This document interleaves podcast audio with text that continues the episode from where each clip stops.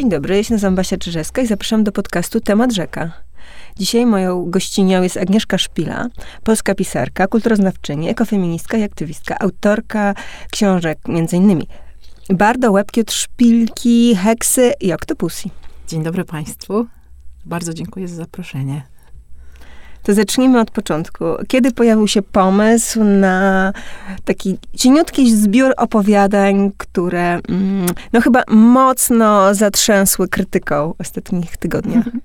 E, siedziałam w tamtym roku, chyba to był koniec sierpnia, z dwiema fantastycznymi y, dziewczynami, siostrami rzekami, ale to właśnie nie było nad rzeką, tylko nad Bałtykiem w Gdyni. Siedziałam z nimi na plaży paliłyśmy ajkosy, co jest nieekologiczne, ale pamiętam, że ja jako matka karmiąca dorwałam się do tego ajkosa i to mi tak strasznie smakowało. I właśnie jedna z nich, y, Stusińska, która też y, pisze i zajmuje się porno i seksem, y, powiedziała, szpila, y, kocham heksy, y, to jest mi strasznie bliskie i rozmawiałyśmy o tych heksach, ale ona mówi, weź napisz po prostu hot opowiadania takie, żebyśmy mogły coś przeżyć w tych opowiadaniach, żeby to było literackie, ale też świeże i takie twoje. I y, ten wieczór skończył się jakoś bardzo pięknie, kąpałyśmy się razem w Bałtyku, a następnego dnia ja przyszłam sama na plażę, jeszcze przed pociągiem, bo chyba pociąg był około 13, już nie pamiętam. I siedziałam na tej plaży ze swoim komputerem i tam stał taki młyn y, diabelski. W Gdyni stoi w okresie letnim taki wielki diabelski młyn. Ja sobie wyobraziłam, że ten młyn y, schodzi nocą do morza mhm.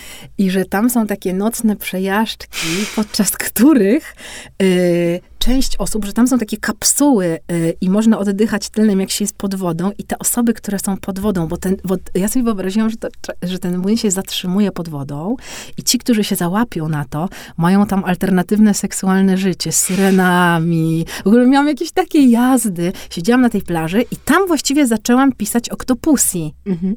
I tam mi przyszła do głowy też ta Wenus y, z tymi ośmioma cipkami. Stąd, tytułowa. Tytułowa Wenus, tytułowa Octopussy. Y, więc ja tak naprawdę zostałam natchniona do napisania tych opowiadań przez te... Um, zamówienie. Siostry, tak. Dostałam zamówienie i pomyślałam, dobra, Jezu, zawsze chciałam być taką trochę Anais Nin, tylko Anais jednak robiła to w jakimś schemacie i takie były czasy, że robiła to męskim pragnieniem, y, niby kobiecym, ale jednak męs mhm. w męskim spojrzeniu, a ja już chciałam to zrobić poza tym spojrzeniem, o ile to jest możliwe w ogóle. No mam nadzieję, że mi się udało trochę jednak wyjść z tego męskiego gaze. One są bardzo surrealistyczne. Przyjmujesz perspektywę mm, gadów żyjących w rzece Liwiec albo y, Wenus. Mm, ale to jest tylko forma, mm, bo y, czytelnik bardzo szybko dostaje takie mm, gęste opisy wrażeń. To są jakby z jednej strony bardzo takie rzeczowe przedstawienia. Wiemy, co się dzieje. Mhm. Jakby ma, mapujesz ciało, e, opisujesz szczegóły, a z drugiej strony dajesz też taką pełną ferię wrażeń sensualnych, e, fizycznych i, i psychicznych. No i chce się powiedzieć, że poruszasz głowę i ciało, ale że to jest taka literatura, która y, musi się na czymś bardzo solidnym opierać. W mhm. wywiadach często y, przyznajesz, że sięgasz po własne doświadczenia. Tak, jest ich sporo i na przykład z tym pełzaniem, czyli z jaszczurami, y, to geneza tego opowiadania jest taka, że ja mam w swoim życiu znaczy, ja po prostu też nie wierzę w miłość romantyczną i nie wierzę w to, że jedna osoba może. Od kiedy w nią nie wierzysz? Pytanie, czy ja kiedykolwiek w nią wierzyłam. No może, może jeszcze kilka lat temu wierzyłam, ale to nie jest spowodowane zawodem, mhm. że rozczarowałam się jakąś konkretną osobą czy sobą, tylko jest to związane z tym, że zrozumiałam y, kilka lat temu, że świat jest tak bogaty, jeśli chodzi o te postawy, które ludzie prezentują i że teraz jakby to, co się dzieje z queerem, poszerza możliwości eksperymentowania z tymi ludźmi różnych form współbycia. Mnie w ogóle jakby queer najbardziej fascynuje w tym momencie. Ja jeszcze Heksy pisałam z perspektywy takiej, że wydawało mi się, że warto się bić o kobiety i Ale, o kobiecość. nie wierzysz, czy zrezygnowałaś? Wiesz co, ja po prostu... Z miłości romantycznej jako modelów, których, których chcesz, że tak powiem, rozwijać, realizować. Ja czułam, że ja zawsze mam jakby za dużą pojemność względem tego modelu i że ten model bardzo mnie ogranicza. Mhm. I wiedziałam, że jeżeli pokocham jedną osobę taką miłością romantyczną, ja to szybko wiedziałam, ja to wiedziałam na etapie piętnastolatki, mhm. to, że rezygnuję, jakby odzieram się, redukuję się do yy, no jakiejś takiej yy, społecznej... Yy, Zamykasz się formy, tak zamykam się i że tym, tym samym kasuję sobie doświadczenie bardzo szerokiego spektrum. Więc y, można powiedzieć z perspektywy mieszczańskiej, nigdy nie byłam wierna, tak można powiedzieć. Na przykład ludzie tak powiedzą, Szpila jest niewierna, czy tam była niewierna od zawsze. To brzmi jak zdrada. Zdradzała tak, i tak dalej. Ale ja tego tak nie widziałam, bo mnie się wydaje, że zdradziłabym samą siebie, gdybym y, trzymała się formy, która jest formą bardzo mieszczańską, a nigdy nie była do końca moją. I ja nie zdradzam ludzi, Nie składałaś kocham. obietnic.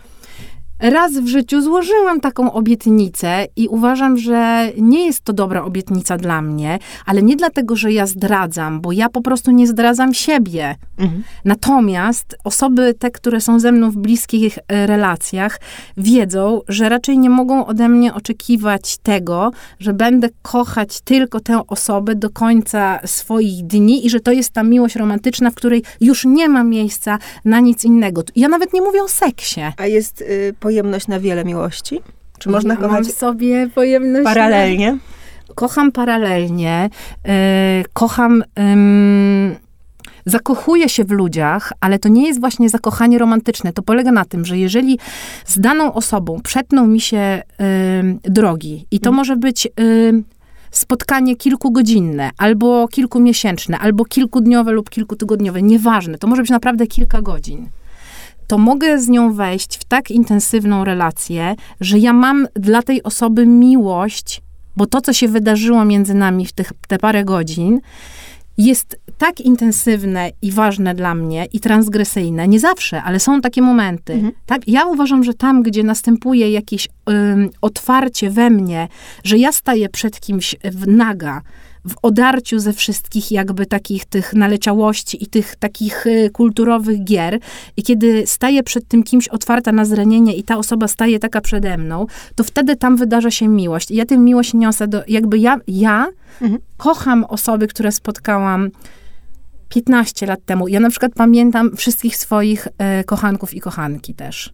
I uważam, że z każdą z tych osób mam jakąś formę miłości, mhm. bo tam się wydarzało coś takiego, co było dla mnie w tamtym momencie jakieś super ważne.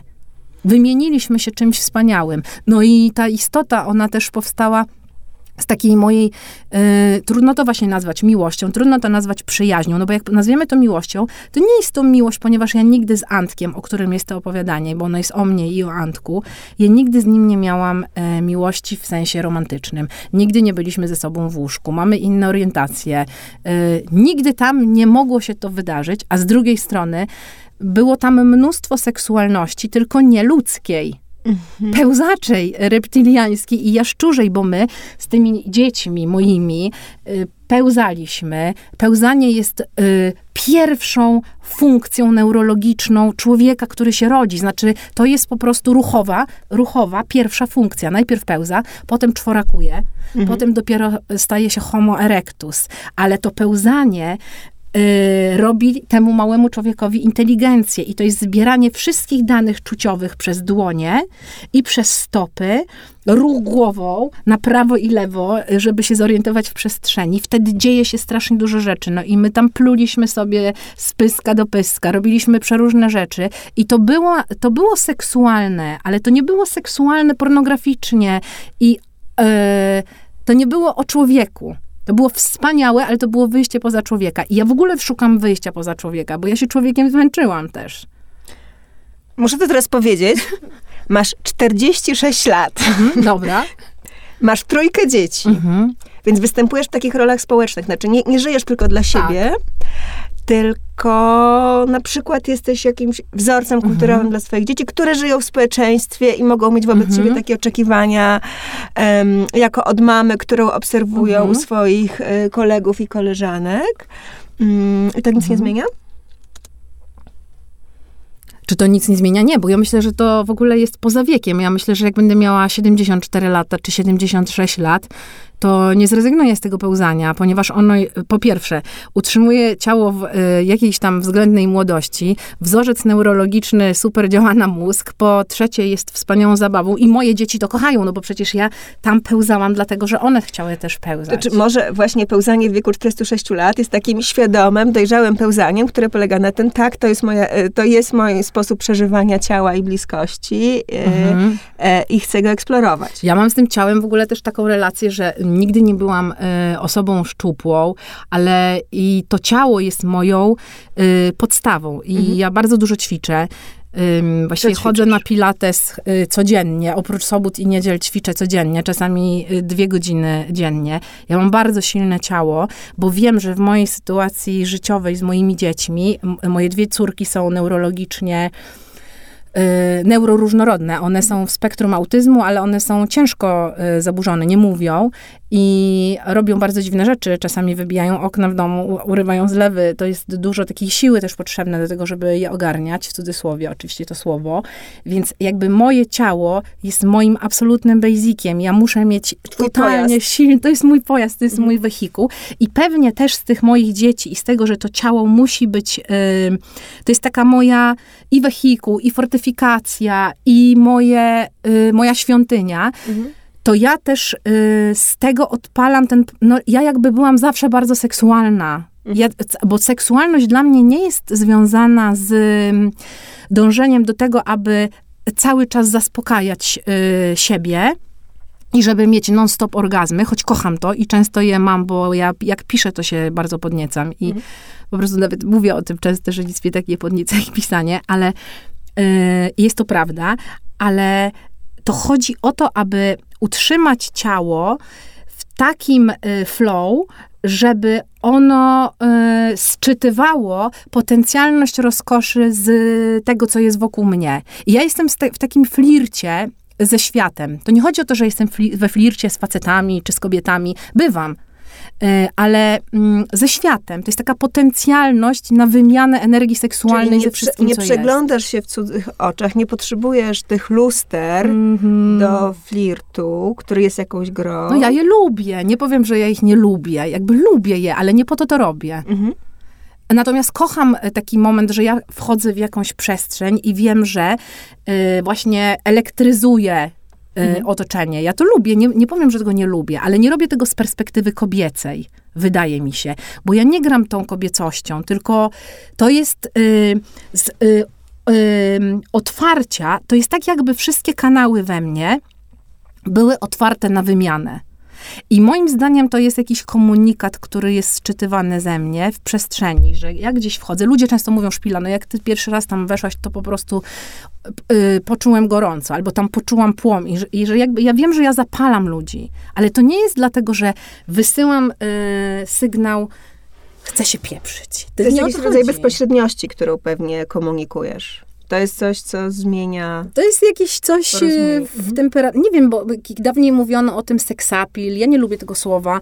Może to jest seksapil, może to nie jest seksapil. To jest jakiś rodzaj e, komunikatu e, wysyłanego do przestrzeni. E, Jestem w takim nastroju, że chcę mieć z tobą w świecie teraz super przelot. I ten świat ze mną ten przelot na ogół y, łapie. No chyba, że mam gorsze dni. I są takie dni przecież, że płaczę. It's okay to cry. To moja piosenka. Y, no są takie dni, że jest jakoś tam gorzej, ale y, nie jakoś dramatycznie. No ale jeszcze jest ten element macierzyństwa. Trójka dzieci, jeszcze takich bardzo wymagających dzieci. Właśnie przez nie to wszystko. To jest coś, co zazwyczaj skupia uwagę, wchłania energię i wiele kobiet e, wtedy rezygnuje z siebie. To jest taki pierwszy mechanizm, Mhm. e, właściwie zj- zjawisko powszechne, poporodowe. W małżeństwach pojawiają Mhm. się kryzysy, e, znika seks, e, zaczynają się obowiązki, proza życia, małżeństwa się rozpadają, Mhm. kobiety popadają w, w jakieś, e, no, Mhm. nie chcę powiedzieć stany depresyjne, no, ale przechodzą jakieś kryzysy. Dopiero e, według różnych takich gabinetowych relacji Mhm. mm, dochodzą siebie później, w momencie, kiedy dzieci wyfruwają z domu, wtedy często ich partnerzy mm, już zaczynają inne życie. Często menopauza jest taką szansą na odbudowanie, na zrewidowanie Dawanie. swojej kobiecości e, i znalezienie jakiejś nowej ekspresji. No ale na to trzeba mieć też dużą siłę, samoświadomość i to jest jakaś praca, którą trzeba wykonać. A ty jesteś właściwie w środku tego cyklonu. Znaczy ja czuję, że ja mam energię seksualną w tej chwili zdecydowanie y, większą niż y, miałam, y, nie wiem, 15 lat temu i jestem super w tym momencie z tą swoją seksualnością jakoś szczęśliwa. Mam poczucie, że doszłam do takiego miejsca, w którym mm, właśnie bardzo ważne staje się dla mnie dotarcie poza to, co kobiece i męskie. Ostatnio wyobrażam sobie często że mam penisa i że się nim w jakiś sposób y, bawię i go dotykam i myślę sobie, w jaki sposób to posiadanie penisa, którego nie posiadam fizycznie, ale mentalnie, czasami tak, wpływa na otoczenie, kiedy podejmuję jakąś decyzję, albo kupuję chleb w piekarni, galeria wypieków, przychodzę z penisem i mówię, poproszę y, bochenek y, tam y, z pełnego przemiału, jakbym miała penisa, jakbym to powiedziała, a jak mówię to z perspektywy mojej pusy. No i to mówię inaczej. Y, ale mm, ja po prostu mam super flow z tą swoją seksualnością, ale ja, ja jej nigdy nie opuściłam też. Mhm. Ona mnie zawsze napędzała i ja z nią mam dobrą relację, bo ja o nią bardzo dbam. I A jak ją, moja- jak ją odzyskałaś, jak ją Ja jej nie zwielokrotniłaś? straciłam nigdy. Znaczy ja jej nie straciłam. odkryłaś w takim razie, zwielokrotniłaś i rozwinęłaś? Bo ewidentnie jakby te Mhm. opowiadania Mhm. To są takie mm, różne historie, które, mm, różne być może spotkania z różnymi osobami w Tak, życiu, bardzo.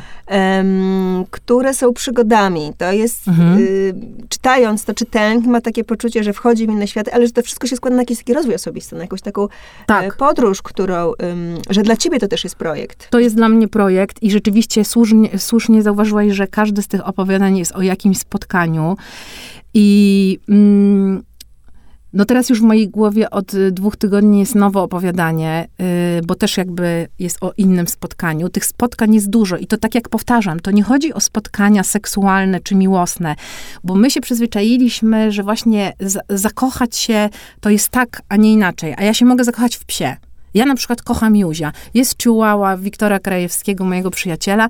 Ja kocham tego psa. I po prostu jak się przytulam do Józia i smyram go po karku i on mi przysuwa nos do nosa i patrzy mi tymi rozmaślonymi oczkami Chihuahy w moje, ja czuję, że tam płynie miłość. Tak samo jak płynie mi miłość do psa Marianki, który jest psem Antka. No, Ale teraz mówisz o takiej tej- bliskości, ale je- jednocześnie w twoich opowiadaniach się pojawia BDSM, shibari, holoporno, Mhm. em, czyli porno związane z Holokaustem. E, e, dotykasz takich... Gangbang w powstaniu. Och, to jest w ogóle największe tabu, które rozbierałeś, ale dojdziemy do tego. Dobrze. Ja chciałabym dojść do opowiadania, e, zacząć od Dobrze. opowiadania Goryl, e, w którym mm, dotykasz czegoś tak powszechnego jak seks e, w związku z długim stwarzem, e, który sili się e, na jakieś e, Mhm.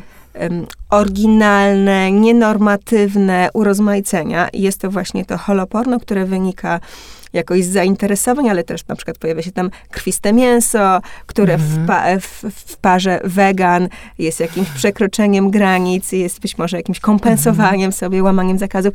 Ty to pokazujesz w taki bardzo komiczny sposób, em, ale jednocześnie wprowadzasz tam postać, która poz, pozwala puścić wodze fantazji. Tutaj nie chcę specjalnie spoilerować e, e, jednej, z, znaczy u, uczestniczce, Mhm. mm, a później tą postać rozmywasz i zostawiasz ją w tej e, smutnej sytuacji, bez żadnej, no właśnie, bez żadnego błysku nadziei, bez światła w tunelu. Wiem, to tak jest po tym gorylu, że wszyscy się zastanawiają, będzie rozwód czy nie. W sensie o tych bohaterów chodzi i tak naprawdę nie, nie wiem, nad czym się jeszcze zastanawiają, czy mój rozwód, czy nie rozwód, nie wiadomo. W sensie, że ja, ja wiem, że ludzie się nad tym dużo zastanawiają nad tym gorylem, ale Co mogę powiedzieć? Y, to chodzi o to, że jak żyjemy ze sobą długo, y, w jakimś właśnie związku, y, znamy swoje słabe strony. I te słabe strony powodują, że y, zaczynamy grać w taką grę, że y, wiemy, w jaki sposób się możemy poznęcać i użyć władzy nad drugą osobą, a co najgorsze, owo użycie władzy nad nią może kręcić tę osobę. Mhm. Tak często jest. I właściwie seks wtedy zamienia się w taką e, transakcję tych wymiana traumy na przyjemność seksualną. E, I tak często bywa. Po prostu są pary, które na tym jadą. Ale czy to jest przyjaźń, czy to jest miłość? Ja myślę, że to jest jakaś chora transakcja, której już nie ma miłości, tylko jest. Lęk przed puszczeniem tego, co znane, a co daje właśnie mieszczańskie takie życie, w takim poczuciu bezpieczeństwa się zatopienie, y, mieszkanie, dom, coś tam, nie wiem, jakieś wspólne y, wyjazdy na narty. Nie wiem, ja nie mówię o swoim życiu, ja nie jeżdżę na nartach, mhm. ale mm, no bo według Esther Perel to jest właśnie mhm. coś, co zabija seksualność mhm. i um, należy zastanowić się, jak wytworzyć dystans, odzyskać swoje własne e, ja i um, ty jakby... No, zgadzam się z, z Perez, pod, zgadzam się z nią. Ja też lubię jej słuchać, słucham jej, um, słucham jej też podcastów, ale y, chodzi mi o to, że Wydaje mi się, że seksualne, to co seksualne i najpiękniejsze, wydarza się w takim momencie, kiedy człowiek i człowiek, nawet ten, który się zna, mhm. ci, którzy się znają przez wiele lat, czyli może to być małżeństwo hipotetycznie lub po prostu wieloletni związek, że ci ludzie stają naprzeciw siebie i są w takim już y, złomotaniu własnej tożsamości w tym związku, w takim już są klinczu i w takiej. Y, doszli już do takiej ściany, że nagle przestają już grać w te gry, które znają i są bliscy rozpadu. Właściwie mi się wydaje, że tam, gdzie jest rozpad tej tożsamości, tam jest najciekawiej. I nawet jak myślimy o seksie, o akcie, to taki moment, w którym ludzie trochę nie wiedzą, co zrobić, bo już jest we grze wstępnej zrobione felatio i mineta, no czy sorry, że operuję tymi, ale ja mówię tak pornograficznie, nie tak jak ludzie oglądają porno, nauczyli się, że Najpierw ona e, robi felację mężczyźnie, potem on y, tam pocałuje jej y, waginę w taki, a nie inny sposób i ją poliże i potem już są gotowi do seksu i jest ten akt. I to jest zawsze tak samo, albo najczęściej tak samo. Albo to jeszcze może być taki wariant, że ktoś kogoś uderzy pejczem, ktoś kogoś opluje. No wprowadzane tam są różne formy, które też są często wykorzystywane w porno. Ale my wiemy, co następuje po czym. A najciekawiej i najpiękniej jest wtedy, kiedy złapie się moment, od jednego znanego do drugiego znanego i tam jest ta luka, w której nie wiadomo, co zrobić. Jest Improwizacja. się. Tak. I jak oni się czują niebezpiecznie, ty, tych dwoje ludzi, jak się czuje niebezpiecznie, bo nie wiedzą, co zrobić, a nie przechodzą do tego znanego drugiego punktu, że teraz ona jemu albo on jej, to tam może wydarzyć się właśnie Czyli to coś. Utrata kontroli. Dokładnie. Mhm. I po prostu nie zaprojektowanie tego, a porno to wszystko psuje, bo porno projektuje punkt po punkcie. Są różne inwarianty, ale właściwie to jest jeden ten sam utwór. No i to jest słowo klucz, postporno i opowiadania postpornograficzne. Tak. E, mówisz, że festiwal, który został zorganizowany w zeszłym roku przez e, Romana Gutka i wywołał sporo kontrowersji, był dla ciebie takim e, ważnym doświadczeniem formacyjnym, że płakałaś Bardzo. na seansach. To właściwie to zorganizował Rafał Żwirek i Aga Schroeder, a jakby Gutek e, Roman, no tak współ i on y, dał przestrzeń, ale to głównie oni są organizatorami. I to rzeczywiście było dla mnie transformacyjne doświadczenie, bo ja wiedziałam, że w porno y, jakby nie mam czego szukać, że to moją bardzo bogatą wyobraźnię, bo ja mam bardzo bogatą wyobraźnię i wiem, że to jest mój największy zasób, że potrafię w niekontrolowany sposób podpinać się właściwie znaczy, po prostu ja mam taką wyobraźnię, że sama siebie kocham za tę wyobraźnię. Mhm. Ja, to jest jeden, jedna z niewielu rzeczy, za które siebie totalnie kocham, za wyobraźnię. Yy, no i porno totalnie ją ogranicza. To znaczy, tam nie ma nic dla mojej wyobraźni ciekawego. Oprócz tego, że jak oglądam porno, to mam szybki wyrzut dopaminy, szybki orgazm i po prostu to jest takie tylko mechaniczne. No, tak jak alkoholik wali yy, setę i ma natychmiast poczucie, że niby jest na chwilę trochę lżej. A na jakich seansach płakałaś? Yy, najbardziej poruszył mnie film El Triunfo di Sodoma i on można go obejrzeć za 12 zł 99 groszy na Vimeo. To jest, o, um, to jest, to jest opowieść y, homoseksualnego mężczyzny, który um, chce kastracji, ale nie kastracji dosłownej, tylko symbolicznej, kastracji politycznej. No po prostu on opowiada o tym, w jaki sposób mogłoby się zmienić społeczeństwo, gdyby mężczyźni ograniczyli sterczenie y, penisa. Tak jak ja mówiłam, to w heksach trochę, no, że mhm. jakby chodzi o położenie, a nie o sterczenie. I jak owo niesterczenie mogłoby się przełożyć na stosunki międzyludzkie, na rozmontowanie kapitalizmu to i patriarchatu. To jest fundamentalne. upadku opowieść. patriarchatu. To jest przepiękna opowieść. Ja strasznie na tym płakałam. I płakałam też na... Yy, to się nazywało po prostu Koniec Antropocenu, chyba ten film. On otwierał Berlinale w tamtym roku. Yy, również. Ja na tym również płakałam. To bardzo mocno pokazało mi, że bo ja też byłam podniecona w trakcie tych seansów. To nie jest tak, że. To, to, jest bardzo dziwne, bo to jest taki moment, w którym jednocześnie jesteś podniecona, a z drugiej strony płaczesz. Mhm. Masz sprzeczne y, doznania płynące z ciała. Z jednej strony jesteś rozdarta i postawiona w jakimś takim rozpuszczeniu totalnym, a z drugiej jesteś podniecona, więc moim zdaniem postporno siła działa, jest właśnie w tym, że że to nie jest tylko o podnieceniu, tylko to jest opowieść, która cię bardzo porusza i która cię transformuje. To są takie opowieści wspaniałe. Ja bardzo kocham y, ten festiwal i w tym roku napisałam taki tekst, on nie bardzo mocny, bo polityczny, bo się skupiłam na tych politycznych y, bardziej filmach, ale było bardzo dużo ekoseksu. No ja kocham ekoseksualność po prostu, o tym też są heksy, o kochaniu się z roślinami i praktykuję ekoseks i uważam, że on ma w ogóle bardzo dużą w tej chwili rolę do odegrania. Bo jest taka teoria, że rewolucja seksualna z lat 60. Mm, to była rewolucja mężczyzn, że wynalezienie mm, pigułki antykoncepcyjnej tak naprawdę otworzyło kobiety, ale one nie były uczestniczkami tego mhm. procesu, bo to mężczyźni um, zostali e, zwolnieni z obowiązku na przykład odpowiedzialności za rodzinę e, mhm. i kobiety były obiektami, były używane. One tak naprawdę nie wyzwoliły się mentalnie mm, do tego stopnia, żeby nie zrzuciły na przykład mhm. czegoś takiego jak wstyd albo poczucie obowiązku. I ta e, rewolucja dopełnia mhm. się teraz, że dopiero w XXI wieku, e, być może po mitu, być może to był taki trigger, mm, kobiety zaczynają wychodzić z tej tradycyjnej roli, no trochę dbać o swoje prawa, trochę szukać e, innych dróg realizacji, na przykład niekoniecznie w rodzinie i macierzyństwie, albo również, ale nie tylko. Czy masz takie poczucie, że właśnie to się dzieje teraz, że jesteś być może e, mhm. uczestniczką tej rewolucji?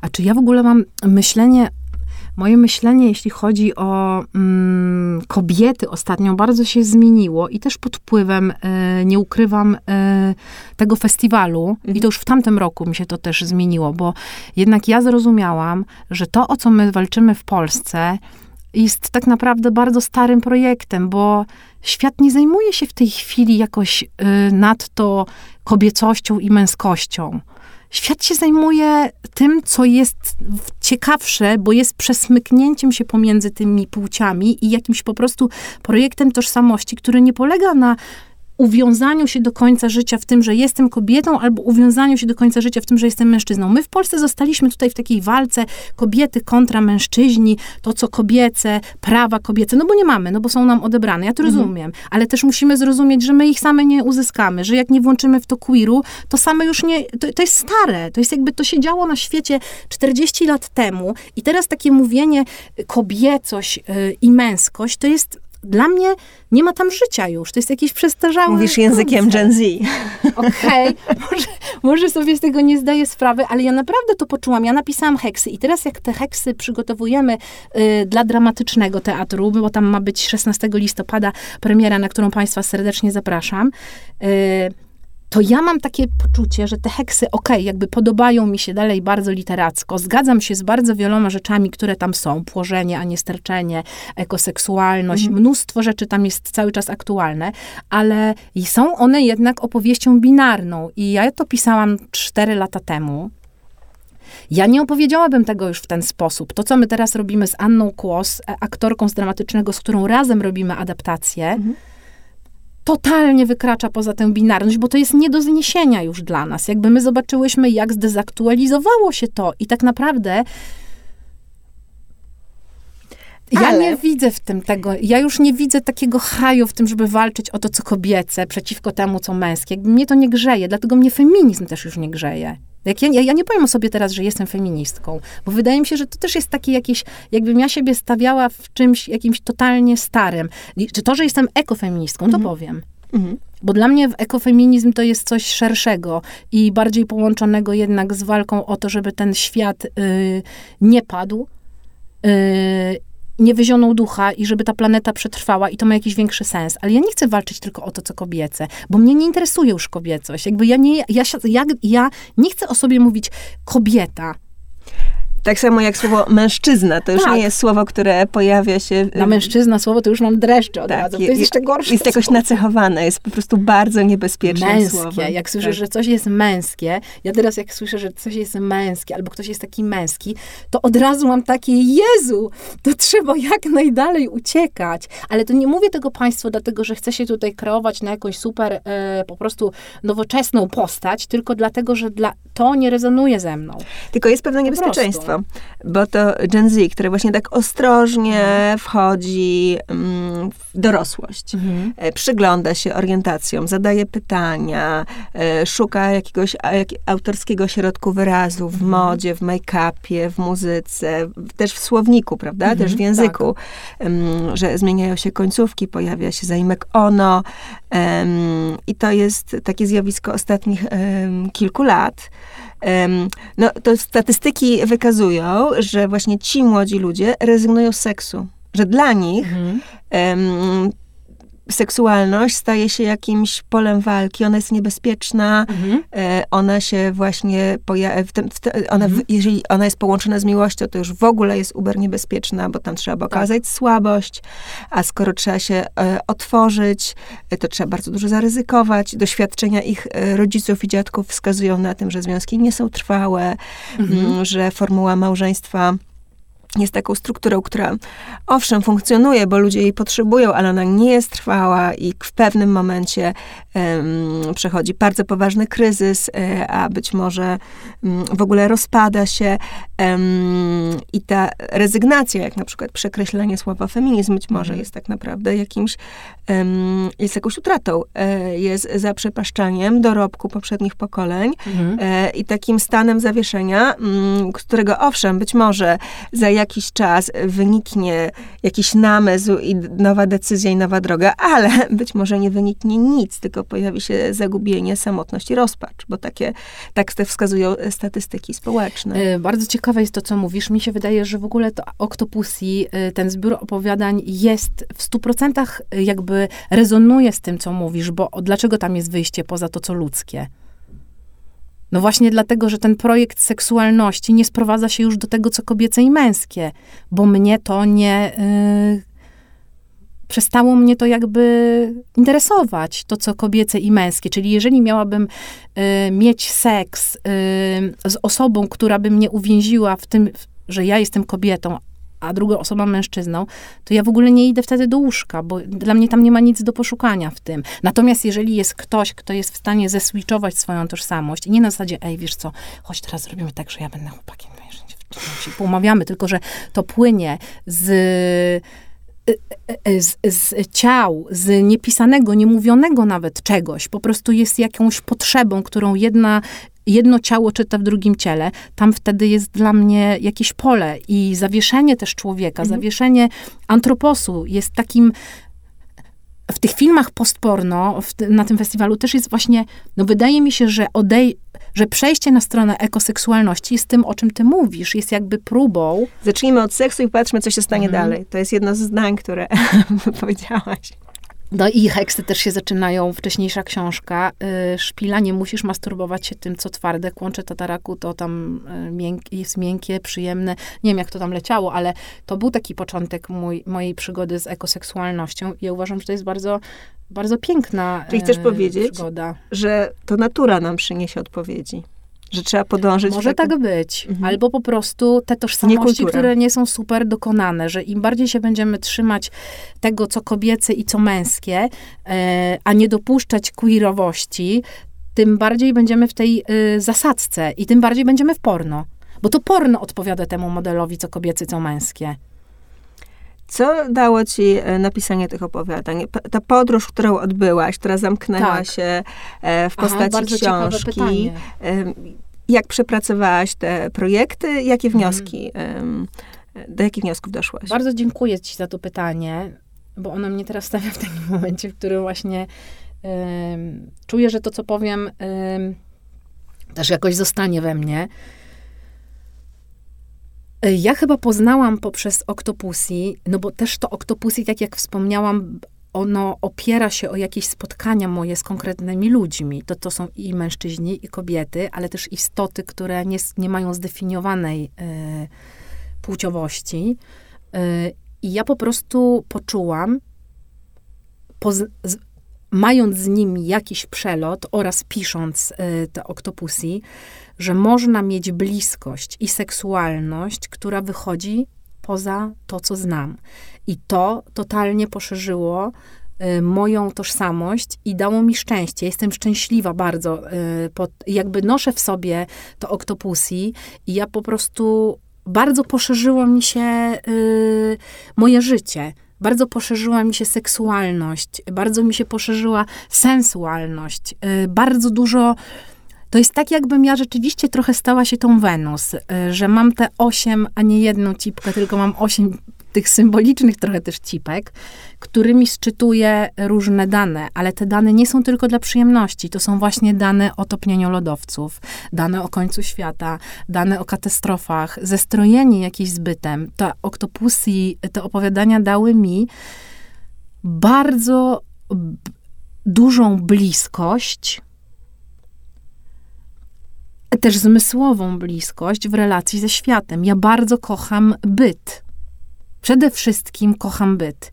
A mam taką umiejętność z dzieciństwa wyniesioną, że jakby traktuję moje bycie w świecie.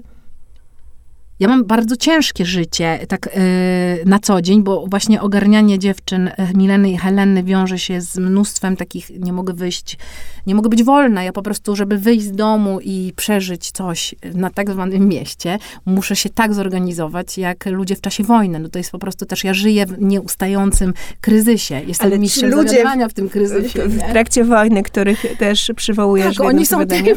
Oni są zdeterminowani na ten seks. Znaczy, to jest sytuacja Mhm. Być może ostatniego seksu w ich życiu, być może największego, naj, największej odskoczni, więc Być może, tak, tak, tak. może tłumaczy twoją motywację. No właśnie, może, może tak, ale też jest tam dużo takiej radości z podwórka dziewczynki, której ja nie straciłam i wydaje mi się, że to pomaga mi w ogóle ogarniać to życie, yy, że ja nie straciłam takiego, że na przykład dla mnie też seksualność to jest cały czas bycie na tym podwórku, gdzie dzieci się bawią, że to jest radosne, Mhm.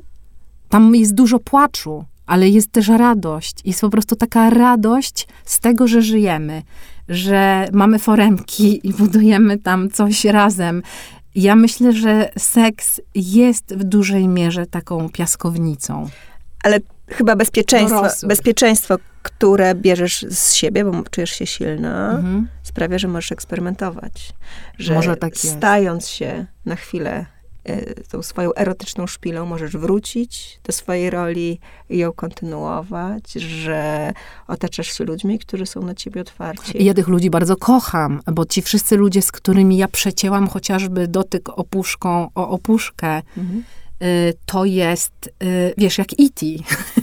nie? I, no ale nie wszyscy są na ciebie otwarci. Jak wystarczy no, wejść jasne. do internetu i Masakra. poczytać kilka recenzji. Ja mam groźby, ja mam groźby po prostu, że mnie pozabijają, no różne rzeczy. Mężczyźni, przecież y, ostatnio właśnie Rigamonti tam nakręcił taką imbę w y, internecie, y, że dostawałam maile przez dwa tygodnie o tym, że chcą mnie zabić y, faceci, bo ja miałam wywiad dawno temu z Grzesiem Wysockim z Wyborczej, no i tam taki tytuł y, Grześ y, dał jakby ostry, mm, że hetero-cis y, normatywnie ochrzczeni Polacy szkodzą planecie. Z czym się zgadzam i tłumaczę w tym wywiadzie, dlaczego tak jest. A to nie jest, ale, ale Rigamonti wziął tylko ten tytuł i wrzucił to. po prostu z tego poszła jakaś nieprawdopodobna imba i naprawdę dostawałam groźby śmierci, no na grubo, naprawdę na grubo. Ale dobra, no myślę sobie, okej, okay, no właśnie ta toksyczna męskość, na tym się teraz yy, ma okazję wysypać. Czy czujesz e, proszę. się osobą misyjną? Czy tak jak... Nie. Mm-mm. Czy to jest twoja podróż, którą się po prostu dzielisz? To jest moja podróż, y, tylko z taką prośbą, żeby, znaczy, bo to, co jest napisane na tej książce, że ja uważam, że do tego, żeby opóźnić śmierć planety, czy przeciwdziałać kryzysowi klimatycznemu rzeczywiście potrzebne jest poszerzanie wyobraźni. Tutaj się zgadzam, że jakby w tym sensie czuję, że mam jakąś misję do odegrania i pewnie też dlatego rezonuję z takimi osobami jak Wiktoria Jędrzkowiak czy Lasotella. One mnie zaprosiły w sobotę na tworzenie opowieści tej inicjatywy Wschód całej, yy, która to opowieść ma być opowieścią o Polsce. jakby mocno rezonujemy. Ja widzę, z kim ja rezonuję. Ja Gen rezonuję... Gen Z. Ale naprawdę ja rezonuję z tymi osobami, które mają po dwadzieścia kilka lat. Ja nie wiem, dlaczego tak jest, ale po prostu jakby ja nadaję z nimi. I to nie jest tak, że ja się staram być młoda za wszelką cenę, choć ja uważam, że mentalnie, no młodość jest świeżością, więc świeżość w tym myśleniu y, jest jakiegoś typu młodością ale no ja z nimi rezonuję. A, a, ja, a jak czasami mówię pomysły komuś, kto jest w moim wieku, to ci ludzie pukają się w głowę i mówią. Daj spokój, dorośnij. Tak jak mój terapeuta powiedział właśnie y, dwa lata temu, już nigdy więcej do niego nie poszłam, nie, niech go piekło pochłanie, nie podam nazwiska, niech go piekło pochłanie, po prostu niech tam skona w smole i niech mu się przysmażą jądra w tym piekle, po prostu niech cierpi. Bo on powiedział, szpila, ja powiedziałam, słuchaj, no moim, wewnę- moim największym konfliktem jest to, że mam w sobie część bachancką i z drugiej strony jestem w takiej sytuacji w życiu, w której muszę żyć po mieszczańsku, mhm. bo moje dzieci OZN-owe nie przeżyją biegając ze mną tylko w cudzysłowie po lesie, bo przecież tak. to nie o to chodzi. Ale realizując tylko potrzeby id i radość i zabawa i tak dalej. A on wtedy powiedział, weź, proszę cię, zastanów się, no, za tyle, tam za 20 lat będziesz miała 60, no bo to było parę lat temu, będziesz miała 60 i co? I będziesz ganiać z tymi swoimi tam larwami. O, to, to są larwy, to są te moje przyjaciółki właśnie, z tymi żganiać. Samotne tymi, matki. Wahantki, tak samo, będziesz ganiać z tymi larwami nago po lesie, no zastanów się, zastanów się. I ja tak, wiesz, po prostu poczułam, że Jezu, jakiś znowu sterczek y, będzie mi po prostu gadał, że w tym wieku to wypada, a potem już nie będzie wypadać. A ja siebie widzę totalnie, jak mam 65 lat i mam po prostu siwe kudły i kij w ręce i zapieprzam po tym lesie. No to jest z jeden z filmów postporno, które no, byś zrealizować. I jestem pewna, że będę miała wtedy super, y, jeżeli nic się oczywiście złego nie wydarzy, jestem pewna, że będę miała wtedy super seks. Może właśnie najlepszy w swoim życiu. Ja w ogóle nie traktuję tego, nie wiem, moi rodzice mają 70 i mają super udane życie seksualne, aczkolwiek oni to robią po ludzku. Rozmawiasz z nimi o tym? Powiem. No u nas w domu dużo się mówiło na ten temat. Też było tak, że... Ale czy wciąż się mówi? Mówi. Nawet moja babcia mówi o tym, że ma... Babcia ma 92 lata. Czytała twoje opowiadania? Nie, ja to ukrywam przed babcią. Już heksy przed babcią ukryłam. Y, I proszę mojego ojca, żeby się nigdy nie wysypał. Tam babcia nie może tego dostać w swojej ręce. Agnieszko, czy już, czy może wydano już twoją nową książkę? Nie, babciu, w ogóle redakcja tam opóźnia to wszystko, to na pewno nie wyjdzie.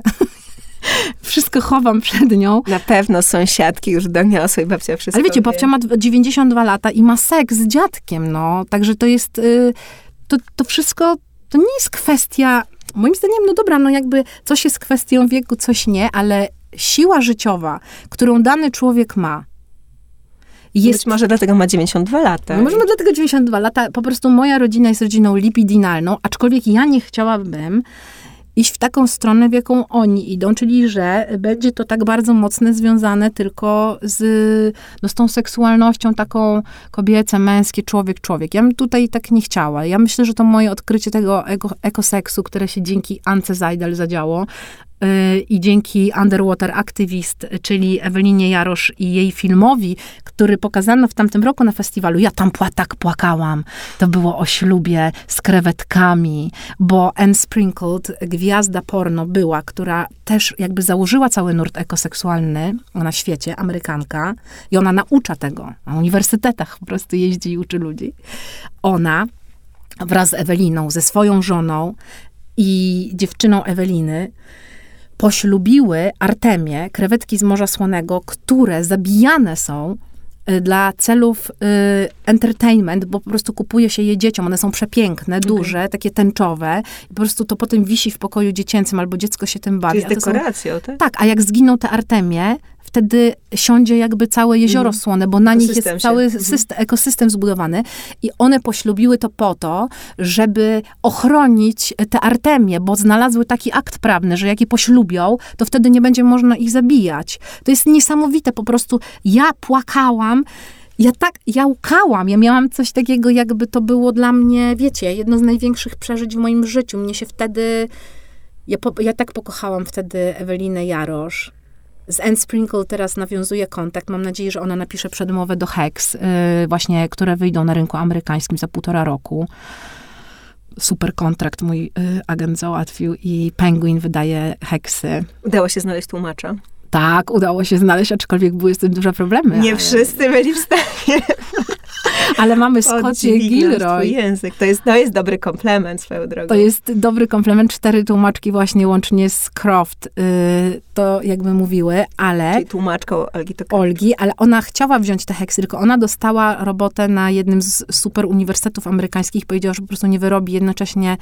Ale Scotia, która to wzięła, to jest bardzo ciekawa historia, bo to jest o tym, jak grzybnia nazwała, że te ziemiste i to wszystko zawołały Skotię, bo Skotia opowiedziała mi w, y, w mailu o tym, że jako nastolatka uciekała ze swojego domu w Vancouver do lasów, które wycinano wtedy. Masowo robiono tam wycinkę i ona broniła tych lasów razem ze swoimi ziomkami. Y, I miała tam totalne doświadczenia seksualne, też jakby tam, tam się działy takie rzeczy, jak się dzieją w heksach. Ale niezwykłe jest to, częścią że w momencie, kiedy zaczynasz rozmawiać z ludźmi, odkrywasz. Yy... Tak, ja mam teraz już tylko takie relacje. To jest taki cudowny moment. Yy, dlatego wydaje mi się, że jestem na dobrym jakimś. Yy, torze. Jesteś osobą, która jest w stanie powiedzieć o czymś głośno i znaleźć swoją grupę. I oni idą do, tak. jakby, że ja, to jest, naprawdę ja uważam, że to nie ja to robię, tylko, że ta grzybnia woła, że to jest, yy, że ta miłość, którą ja z siebie yy, emituję, ta miłość do bytu, mhm. samego w sobie, że ona przyciąga potem tych ludzi, którzy mają coś podobnego. No to seksualna rewolucja. Ale nie tylko, nie tylko ekoseksualne. Ja po prostu naprawdę Państwa namawiam do tego, żeby odczarować y, myślenie o bliskości i seksualności, że to musi być zawsze bardzo ludzkie, bo właśnie wtedy, kiedy na przykład zaczniemy pełzać, czyli mamy ruch jaszczurzy, możemy odkryć y, z osobą bliską, z którą już jesteśmy w holoporno z nudów albo już z jakiejś, nie wiem, traumy, możemy nagle odkryć coś, co jest wyjściem poza tego człowieka, jest super świeże, a bardzo jakby sensualne. I możemy czerpać z tego ogromną przyjemność, a to wcale nie musi być stosunek. Nienawidzę tego słowa. To wcale nie musi być stosunek. Można mieć bardzo seksualne muśnięcie rzęsą o rzęsę i nosem o nos. I można mieć super seksualną wymianę śliny na nadgarstku. To mogą być bardzo różne rzeczy. Po prostu yy, to, to strasznie zostało nam jakoś wdrukowane, że ten akt seksualny jest tak bardzo ważny. Owo jak to mówię w tym po, powstańczym opowiadaniu Dito, które napisałam, też dlaczego ja je napisałam, bo my się zwąchaliśmy z Krajewskim Wiktorem, który jest i mm, dziennikarzem wprost Wiwy i tam kilku jeszcze tytułów, ale przede wszystkim jest pisarzem. Y, I ostatnio napisał taką głośną bardzo książkę y, o tulipanie, Kalibabka. I my się zwąchaliśmy z Wiktorem podczas wywiadu. On ze mną robił wywiad y, o, moim, o mojej walce o OZN. I z tego po prostu powstała taka relacja, która jest bardzo bliskościową relacją. ale ta bliskość jest zupełnie inna niż wszystko, co do tej pory znałam. To jest bliskość jakby umysłów. Intelektualną. Jesteście pokryw, pro, no, ale też, myślicie. Tak kosmiczne też to jest, bo to nie jest tylko właśnie na, że my, to jest bardzo dziwne, no my sobie, my mamy bliskość z bardzo dziwnych rzeczy i to jest bardzo piękna relacja, ale strasznie się ze sobą też możemy pokłócić i nie mieć kontaktu dwa miesiące i tak dalej. Ale Wyświadcza się przyjaźni potem. Dokładnie i to Dito to było stąd, że on, e, jego ukochanym filmem i moim jest Uwierz w ducha. Mhm. Y, I Dito to jest to, co mówi Patrick Swayze do Demi Moore, kiedy ona mówi kocham cię, I love you, a on nie odpowiada jej I love you too, tylko mówi Dito, co oznacza ja ciebie też. I my, Wiktor pisze, Wiktor napisał dużo książek, książek o wojnie. Mhm. A ponieważ ja kocham seks, a on kocha wojnę, no to tak umieściliśmy to w powstaniu, bo jeszcze powstanie on, to jest jego taki, w tej wojnie w powstanie go Ale to też jest świetny motyw, bo to jest takie opowiadanie o historii, demaskując rzeczy, które były zacierane. I myślę, że ta sytuacja, że w rocznicy mhm. powstania zaczęło się mówić o czymś takim jak gwałty na powstankach, tak. E, że mm, temat właśnie seksualności w obozach koncentracyjnych to też tak. jest coś, co odkrywają badacze, czy homoseksualność. Dokładnie. więźniów, a ty mówisz o wyuzdaniu, albo właśnie mhm. o erotyzmie, jako takim napędzie życiowym.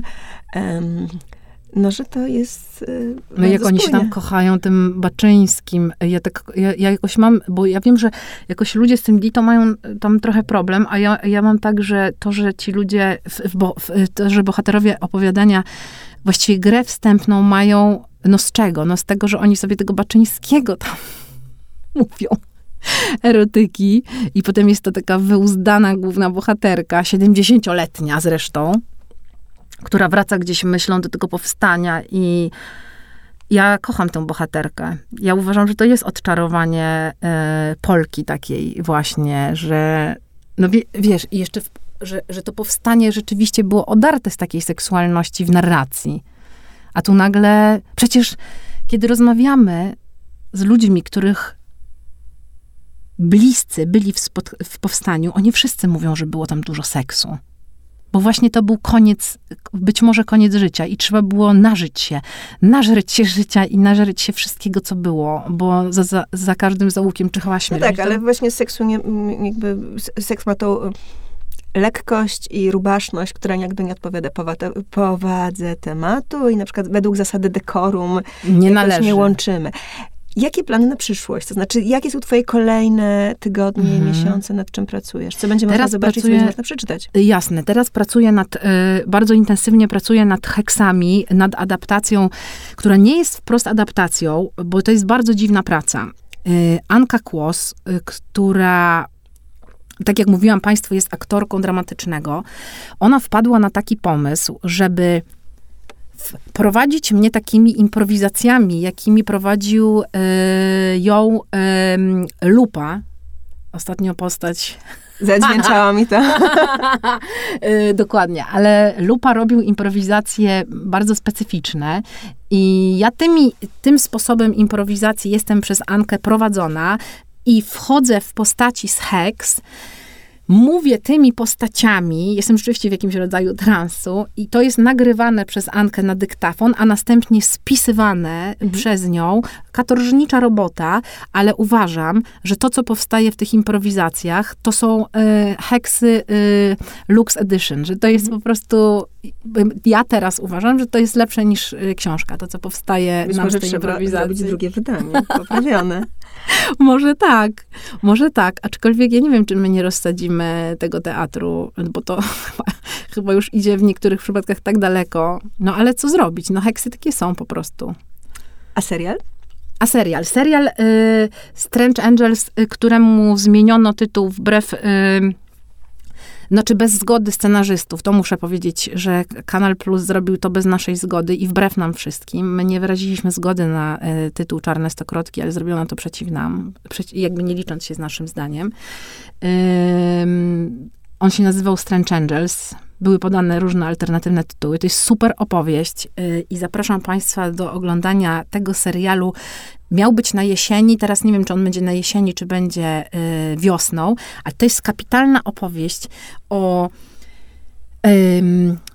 No, w jakimś sensie też kobieca bardzo, bo to jest y, wnuczka, matka, babka, z czego babka Ilse Green to niemiecka jasnowicka, mhm.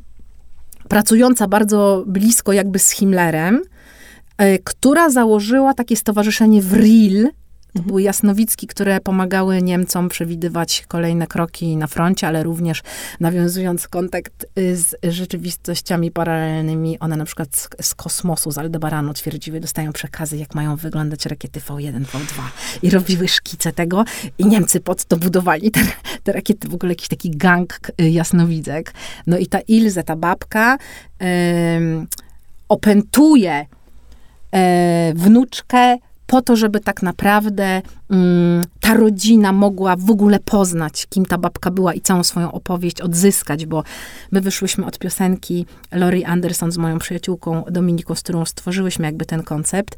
Tam jest um, Strange Angels y, i to chodzi o to, że y, dawne historie będą cię wołać, dopóty ich nie odkryjesz, a jeśli tego nie zrobisz, to jakby cię dopadną, albo mm. zniszczą ci życie, albo musisz... I to jest o tym. I to jest super taka opowieść właśnie o Niemczech, o Wałbrzychu, o tym przenikaniu, ale też o tym, że jak twoja rodzina coś zataiła, to jeżeli ty tego nie odkryjesz, to to cię zrujnuje i ten duch cię dopadnie. No i tutaj mamy babkę, która po prostu dopada. No więc jest trochę ghost story, trochę thriller, przy tym wszystkim bardzo kobieca, mocna opowieść. Jest po prostu wnuczka, matka, babka, y, wojna, yy, Wałbrzych, dziwne bardzo historie, skrzypłocze, yy, takie stwory o błękitnej krwi, które od 6 milionów lat nie zostały poddane żadnej zmianie w ewolucji. Wyglądają dokładnie tak samo jak 6 milionów lat temu.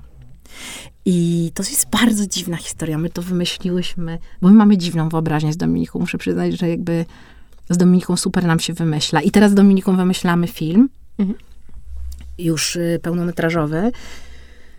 E, no to chyba teraz nie będę o tym Państwu opowiadać, ale to będzie też taka kino drogi. Chcemy zrobić Telmę i Louise, ale jakby taką naszą wersję, bardziej szaloną, jeszcze Telmy i Louise. My kochamy kino drogi. No i tak pracowicie.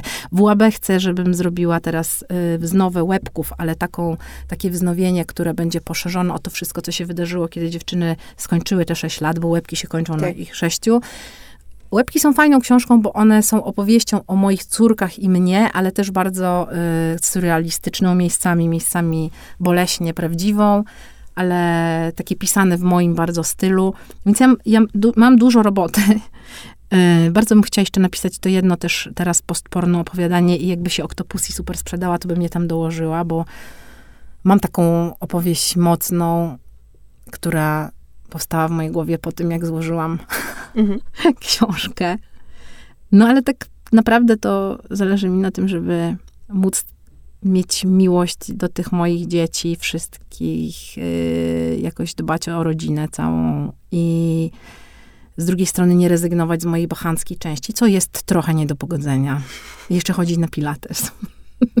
Ale i pisać. No teraz nadchodzi najtrudniejszy moment w moim życiu. Ja nienawidzę wakacji, bo to jest 10 tygodni y, w sumie takiego, takiej pracy. To nazywam, że jestem górnikiem, który idzie na trzy zmiany no bo dzieci nie mają szkoły, a te moje dzieci właśnie z niepełnosprawnością, jak nie mają szkoły, to się totalnie sypią. I jest bardzo ciężko i ja wtedy nic nie mogę pisać i nic mhm. nie mogę tworzyć. Więc ja na 10 y, tygodni Zawieszasz jestem to? odcięta od tego, co jest dla mnie najbardziej życiodajne, sensualne, co mi przynosi największe szczęście. I ja wakacje kończę na totalnych oparach. Mhm. Liczę na pomoc oczywiście moich y, przyjaciół i tych wszystkich istot, które gdzieś tam się no, może znowu będzie jakiś, e, jakaś istota. istota 2. Zobaczymy, co tam będzie. y, co tam się będzie działo. Ale, ale na pewno to też ciekawe jest, jak nam się ta, jak, jak, jak ja na przykład nie mogę funkcjonować w takiej normalnej rodzinie, tak, że ja bym nie, w tym, w tym kraju nie jestem w stanie podołać w sytuacji, w której się znalazłam, że mam dwie dziewczyny z niepełnosprawnością i trzecie y, dziecko jeszcze zdrowe, ale małe, że tego się nie zrobi jedną tylko osobą, typu, nie wiem, mężem, kochankiem, kimkolwiek, tylko to trzeba robić kochanką, przyjacielem, jedną osobą, tylko trzeba, ja musiałam zbudować, i ja po prostu jestem ośmiornicą, która ma bardzo dużo odnóg i musiałam pobudować relacje z bardzo wieloma osobami, które ze mną mają flow i przeloty i różne rzeczy się dzieją, a oprócz tego jakby... Prywatna cało, wioska. Prywatna wioska i my tak obsługujemy, takim się stajemy jednym organizmem, który jedzie napędzany miłością. No bo tam bez miłości się nie da... Urywa się e, wszystko. Urywa się wszystko. Mhm. Musi być miłość. I jak jest miłość, to jest też ten rodzaj komunikacji między nami wszystkimi, który nie jest przemocowy i nie polega na dywersyfikowaniu zadań. Ty robisz zupę, ty robisz to, ty robisz to, ty teraz z Mileną to, ja to z Helen. Tylko, że to polega na sczytywaniu rzeczywistości. I właśnie rezygnacja i... z ego, dobra intencja, skłonność do... do... Mm. Czym jest? Bardziej myślę, że, to, że ta miłość polega na tym, otwartość, ciekawość. Y, to jest takie bardziej też zestrojenie się z bytem i z tego, żeby łapać każdy moment, że na przykład siedzimy wszyscy w słońcu i jest pięć minut, y, kiedy żadna z moich córek y, nie robi czegoś radykalnego i na przykład groźnego. Na mhm. przykład jedna zjada od dwóch miesięcy papier toaletowy, a wczoraj zjadła mi Lincolna w Bardo, moją ukochaną książkę. Zostało mi kilka stron i pewnie dzisiaj wyląduje w szpitalu, albo nie wiem, co z nią będzie, ale no po prostu zjada papier i liście, robią dziwne rzeczy. Mhm. Ale zdarzają się takie momenty, że nic złego się nie dzieje i wtedy tak siedzimy zalani słońcem, to jest na przykład Szumin, yy, działka, i pijemy herbatę, kawę, piwo bezalkoholowe, dziewczyny kochają, więc na przykład to.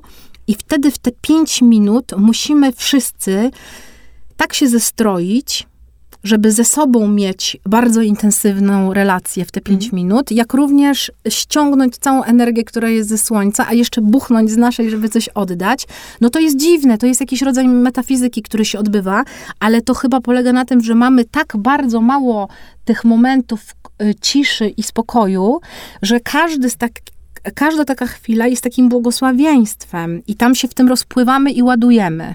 I to jest takie cudowne, wtedy tam jest miłość, bo to jest miłość do tych moich dzieci, miłość do Matki Ziemi, czyli kochanki Ziemi bardziej w moim e, wydaniu, miłość do e, po prostu życia samego w sobie, bo jest to jednak dla mnie codziennie odkrycie, że ja żyję. I nie dlatego, że mam e, 46, tylko dlatego, że jest czymś to cudownym, bo mhm. mogłabym nie żyć bo moje dzieci mogłyby nie żyć, bo coś by się mogło dziać, yy, bo mogłaby być wojna tu, nie wiem, dużo różnych rzeczy, a jednak to jest błogosławieństwo budzić się móc czuć, mieć orgazm, e, cieszyć się, napić się kawy, pójść na pilates, napisać coś, przytulić się do kogoś, pogłaskać rzęsą, przyłożyć ucho do ucha, e, napić się wody ze szklanki, bo ta woda jeszcze jest, za 20 lat może jej nie być i przyjdą mhm. tu ludzie, którzy nam e, te, taki same będą mieli prawo do tej wody, a my będziemy uznawali, że to jest nasza ziemia i będziemy się bić i będzie wojna o tę wodę. Mhm. Więc te 20 lat jeszcze cieszmy się, że możemy się tak napić, bo potem będą inni ludzie, którzy też będą mieli to prawo. No jakby to wszystko jest niesamowite, uważam. I ty tutaj sobie siedzisz ze mną i masz, patrz, y, przychodzimy i ktoś nam położył Kinder Bueno, nie? Na, na chusteczkach. No, to jest jakiś w ogóle, to jest ekstra.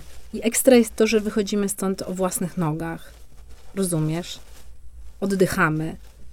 Ktoś nam może wieczorem zrobi masaż, zjemy dobry lunch. Jezus Maria, jest tyle super rzeczy w ciągu każdego dnia, które się wydarzają. I ja słyszę swój głos w tych słuchawkach. Czy to nie jest niesamowite? I Jak ktoś nas brzmi? słucha? Dziękuję, Agnieszka. Ja też bardzo dziękuję. dziękuję Państwu za to, że Państwo z nami spędzili ten czas.